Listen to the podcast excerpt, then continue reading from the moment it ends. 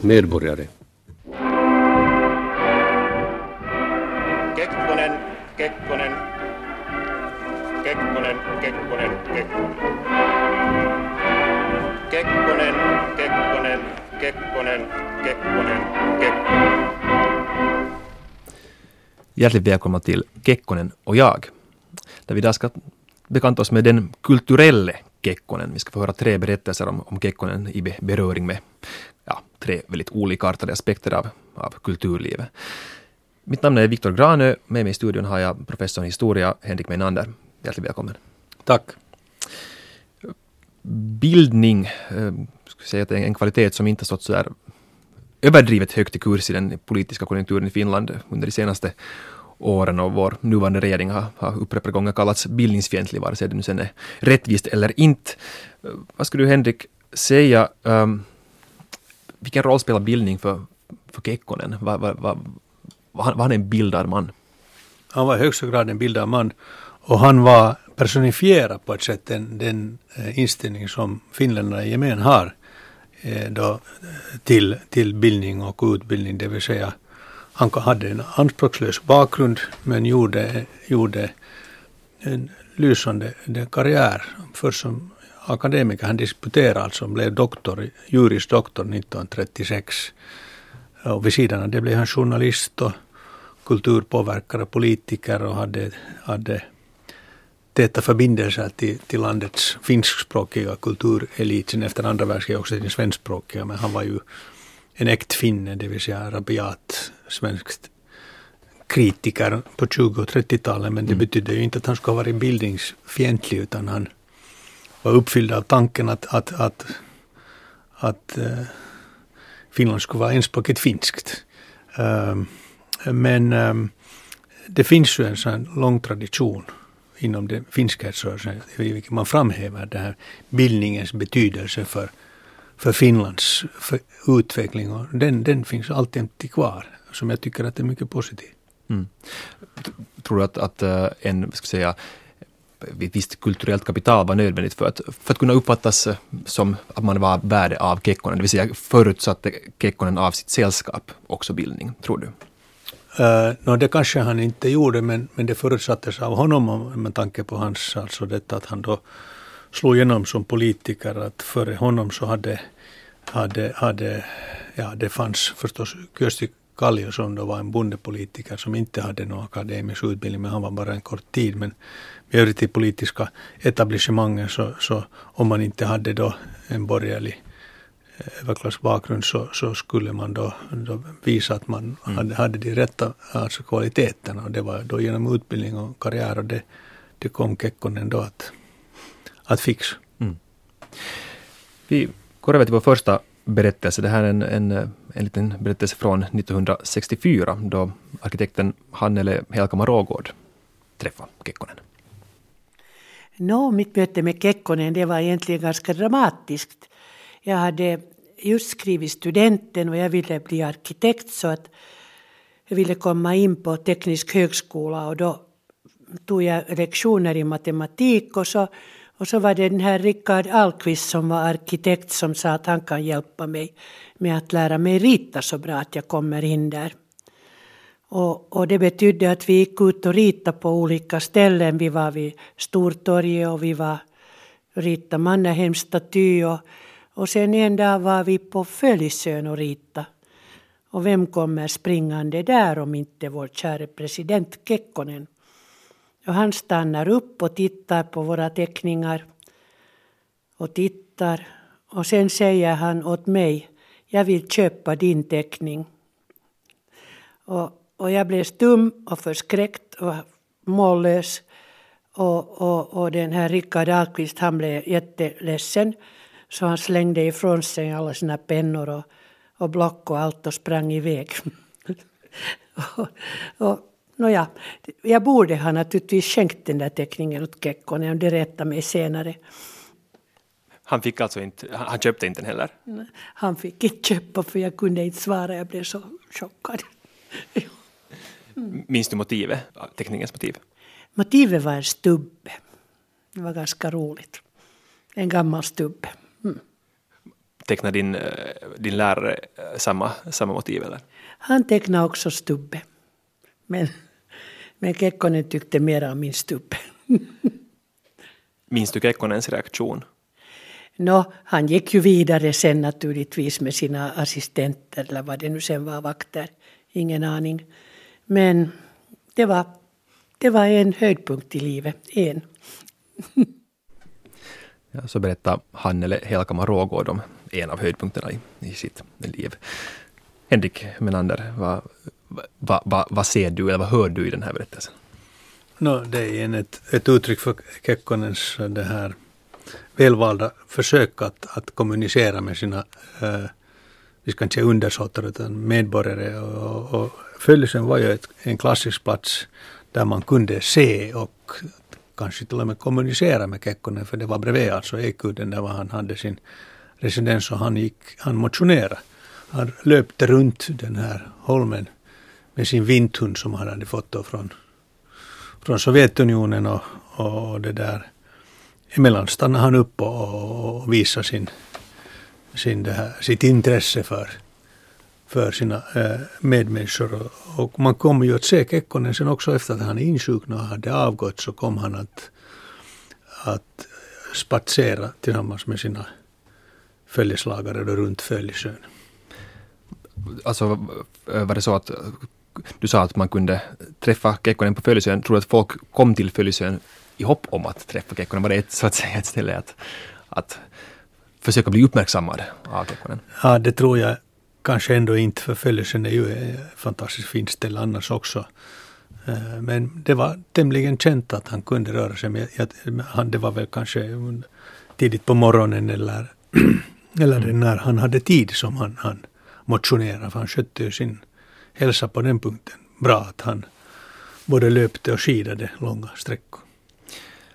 En sak som jag reagerar på här i han, han eller Helga Rågårds berättelse var vilken då enorm vikt hennes lärare Rickard Ahlqvist eh, tilldelade, eller la, la vid då Kekkonens omdöme. Och då han ju förstås, Kekkonen var ju ingen konstkritiker, men att uppenbarligen var det av väldigt, väldigt stor betydelse vad han, vad han ansåg. Kan man rent av se det som en, en skymf från Kekkonens sida, det här att han väljer att lyfta fram den här unga elevens konst. Vad tror du Henrik? Det är alltså pur eh, gissning, men jag tror snarast att det var frågan om att han när han hade välja mellan äldre man och yngre kvinna så, så var det ju artigt att visa intresse för mm. den yngre den här kvinnans teckning. Att hur de nu tecknade och vad det var för motiv spelar säkert mindre Och Kanske han tyckte den gamla stubben var en sån humoristisk eh, porträtt av honom själv.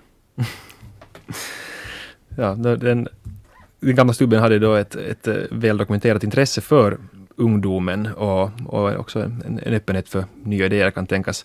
Vi ska lyssna på en annan berättelse från, från det studentkulturella fältet. Så här minns dataingenjör Ralf Saxén äh, sitt möte med presidenten. Det där, jag var vice ordförande i Tekniska högskolans studentkårsstyrelse 1960.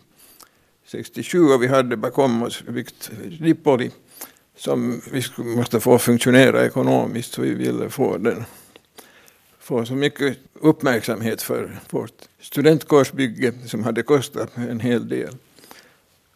Och då tänkte vi att ett sätt skulle vara att få kända personer att få ta på sig vissa roller i, inom Dipoli. Så vi beslöt oss för att försöka kalla Kekkonen till så vi kallar kunniga talomies, för det närmast betyder på svenska gårdskar honorius Kausen. Så vi kollade upp med hans stab eller vad det nu sen var och frågade om han kunde tänka sig att bli en sorts beskyddare inom med den här titeln. Och vi fick klarsignal för det hela.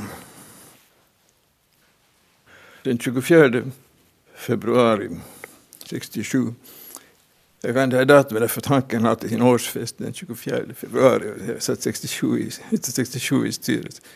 Så var jag på Hankens årsfest inbjuden tillsammans med min fru och några vänner.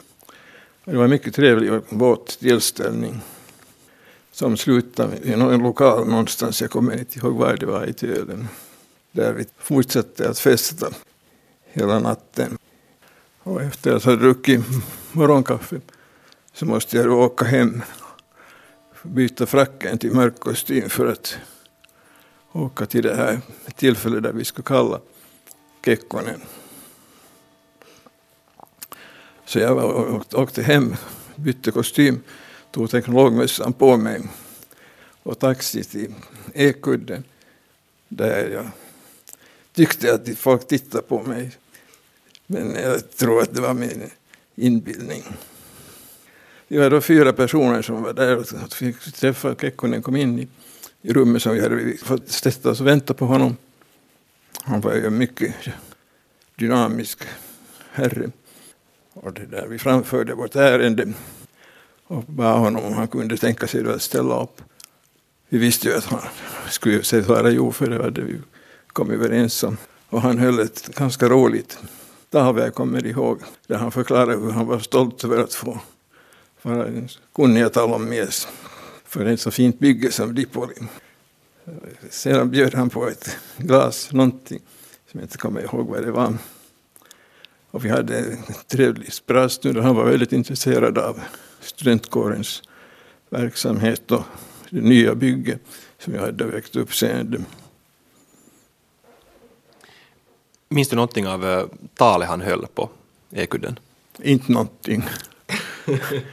jag kommer bara ihåg att han, han, hade ett, ett, ett, han var mycket sådär, man lyssnade på honom och man hörde, man, man förstod att han var van att, att det han sa så det eh, acceptera den som hörde det.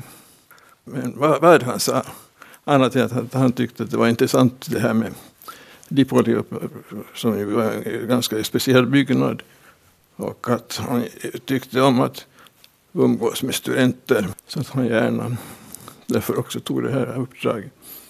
Som han ju antog att inte skulle, eller sa han, att han antog att uppdraget inte skulle bli alltför betungande. Men det där. Men han hade karisma, det hade han onekligen. Och trots, trots att jag hade, inte hade sovit och, och var annars lite trött så fanns det ingen chans att jag skulle ha inte ha följt mycket noga med vad han sa. Ja, så här mindes Ralf, Ralf Saxén sitt möte med Kekkonen 1967. Jag sitter här i studion och talar med professor i historia Henrik Meinander. Um, ehm, Henrik, vad var det här? Reagerade du på någonting i Ralf Saxéns berättelse? Kekkonen hade ju under sin studietid på 20-talet varit mycket aktivt med i politiken och hade egentligen börjat visa intresse för samhälleliga frågor eh, just via, via de här aktiviteterna. Han hade anslutit sig till AKS, alltså Akademinen Karjala seurad, som på svenska betyder då Akademiska Kareliensällskapet, alltså han var äktfinne, stor finne som man kunde kalla honom. Eh, men eh, var också övrigt verksam alltså inom det här pohjoispohjalainen osakunta, det vill säga nordösterbottniska nationen Eh, och där, där så knöt han många, många vänskapsband som höll hela livet. Och sen var han också redaktör för Ylioppilaslehti. Och allt det här betydde att han genom hela sitt liv visade ett speciellt intresse och förståelse för studenterna. För han förstod att ett land som Finland så kom studenterna och studenteliten att, att, att vara nyckelpersoner. Så att, eh, och han förstod den humor som studenterna odlade och, och alltjämt odlar. Och det här det att han ställde upp som då såna hedersgossis som man kunde säga, som mm. var ett uttryck just för det här. Han var inte, han var inte det minsta, jag ska säga, han hade skämtsamheten med sig, han var inte minsta uh, rädd för att det här skulle vara ett, det att han är gårdskall honorius causa skulle vara någonting som är på något sätt uh, minskar hans värdighet, men det gjorde det givetvis inte från den här lokala planen ska vi röra oss ut i ska säga, stora världens kultur. Ralph Poussard, ehm, han det här, hade ett väldigt speciellt möte på Long Island, New York, 1968. Och så här berättar han om det. Den här eh, organisationen Old Whalers Association, så de ordnar varje år en, en, en roddtävling med valbåtar. Och så fick, fick konsulatet i Hamburg en inbjudan till den här tillställningen. Och det var den här kompisen Kai Back som, som sen trummade ihop ett, en besättning. Det ska vara åtta man som ror plus en rorsman. Nå, festival låter ju väldigt förnämt som någonting väldigt stort, men det var bara tre lag som ställde upp faktiskt. Det var US Coast Guard och sen ett norskt gäng som ställde upp. Och två somrar hann vi vara med om det här, så jag var med om det. Och, och det där. Ehm, första, vi blev tredje första gången vi deltog. Men andra gången vi deltog så lyckades vi klå norrmännen och det var naturligtvis US Coast Guard, de var oslagbara, de, de, de var proffs. Och efter den här tillställningen, det var en vacker sommardag, så satt vi hela gänget tillsammans på gräsmattan vid stranden. Och, och jag hade gitarren med mig och så satt vi och sjöng lite visor. Och, som, som man brukar, vi var största delen var svenskspråkiga av oss. Och det där.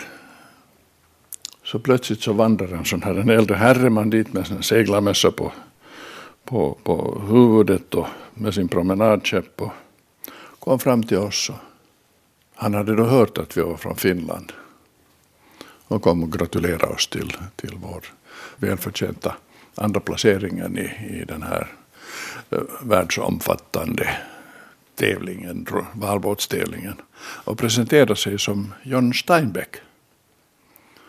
Och vi blev ju alla mäkta imponerade att få, få liksom handgripligen träffa en nobelpristagare. Så berättade han att han har nyligen varit i Finland. Det här var då 1968. Och under sitt besök i Finland så hade han också besökt Gullranda och dåvarande president Kekkonen. Och i det här sammanhanget så hade det, han blivit bekant med en finsk melodi. Och han var helt övertygad om att om han hör den där melodin så, så kommer han ihåg den. Men att han kunde inte för sitt liv påminna den utan, utan lite hjälp. Så att om, ni, ni, känner säkert till den, sa han. Och så försökte vi sjunga. Det var Karjalan Kunnala och det var Längelmävesi och det var Rosvorope och det var allt vad vi hittade på i finska folkvisor. Nej, nej, sa han. Det, det, när han, han, han liksom kommer ihåg den här situationen så bra för att, för att han var då med president Kekkonen. De satt i bastun och så hade de, satt de i armkrok och gunga sidledes fram och tillbaka. Och då tände det naturligtvis att de här två distingerade herrarna sitter på bastulaven och sjunger rulla till rulla. Så att eh, man kan föreställa sig situationen. Jag tror inte att man behöver beskriva den närmare. Så här berättar Ralf Poussard om sitt möte med John Steinbeck eh, i New York 1968 det var ju ganska, en ganska festlig bild det här. Steinbeck och Kekkonen i, i bastun på Guranda, sjungandes Rulla till rulla. Väcker det för tankar hos dig Henrik Menander? Ja, det var, det var ju någonting som äh, var ett uttryck för Kekkonens då, alltså sympatier om, om han bjöd in en sån här författare äh, och badade bastu med honom. Eh, och då var det, gick det, det, det var ju långa bastukvällar, man satt ute och, svalkade sig och, och drack det ena och det andra. Och Steinbeck, precis som Kekkonen, var ju inte en som spottade i glaset. Han var kanske ännu mer känd än Kekkonen för det här. Så de trivdes säkert också det skälet äh, eh, ja, bra.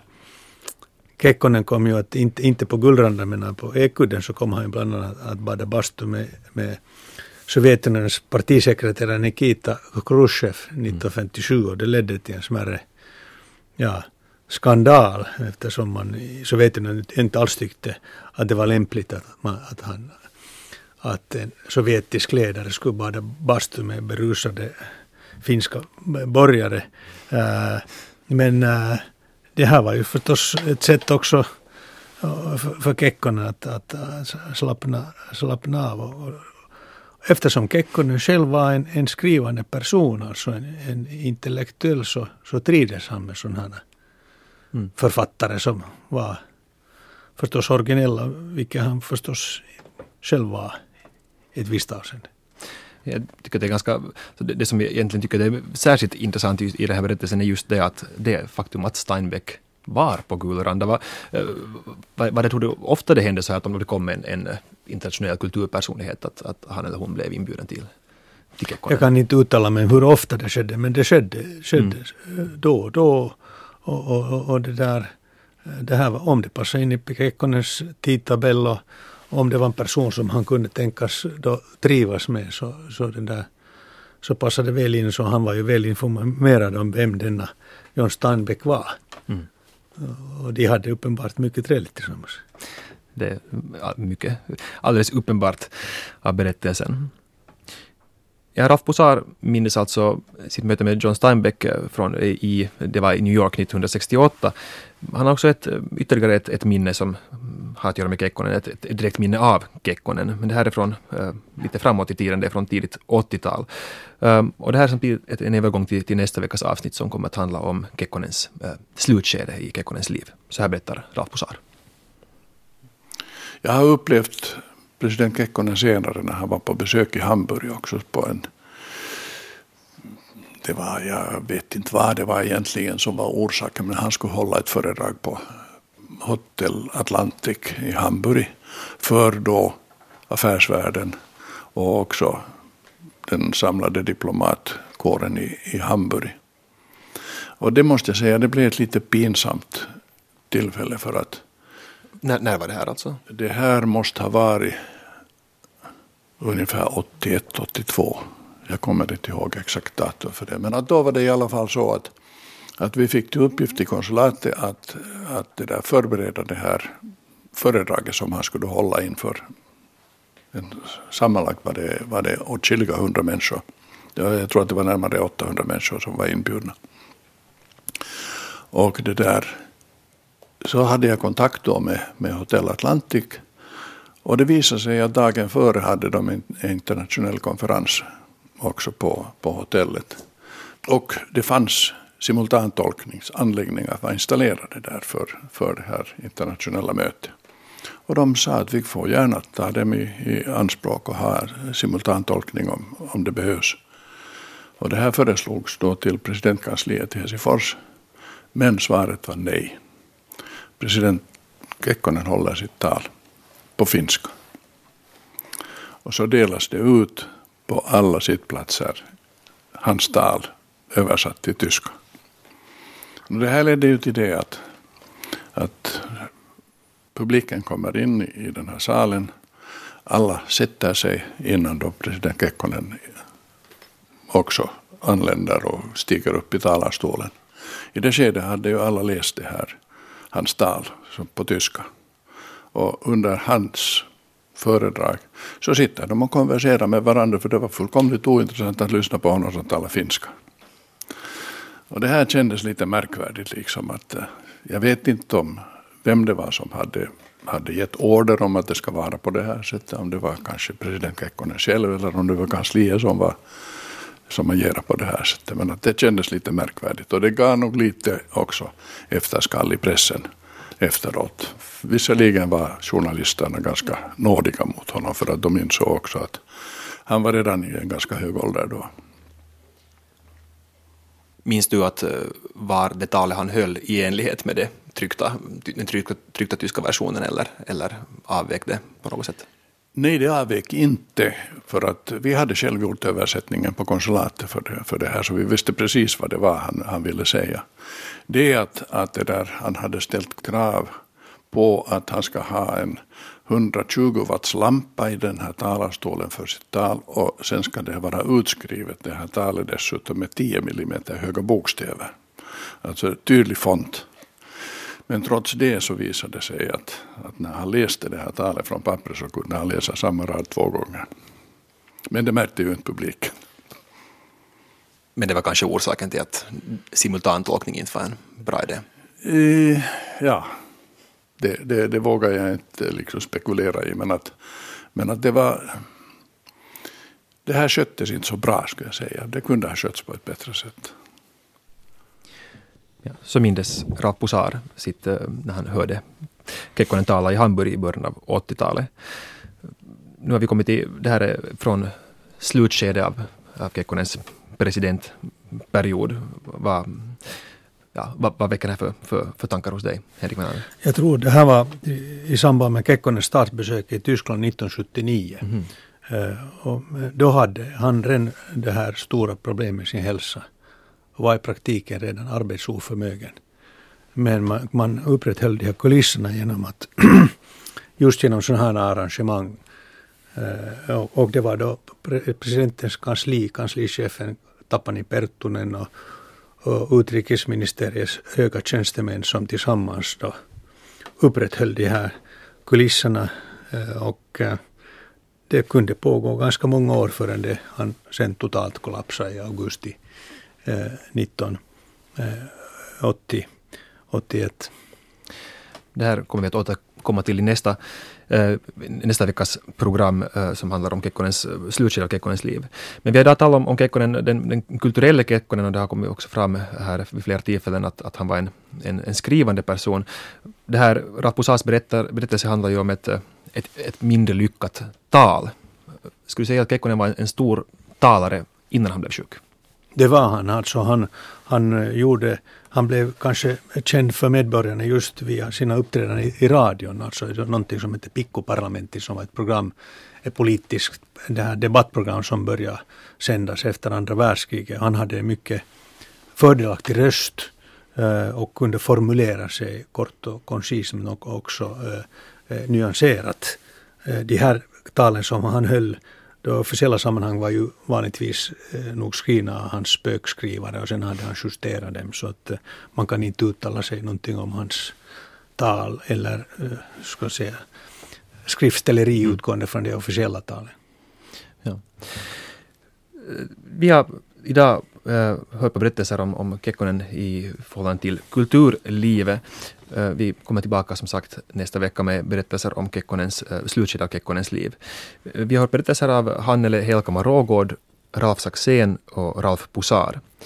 Med mig i studion har jag haft Henrik Menander, själv heter jag Viktor Granö och Kekkonen och jag är tillbaka om en vecka.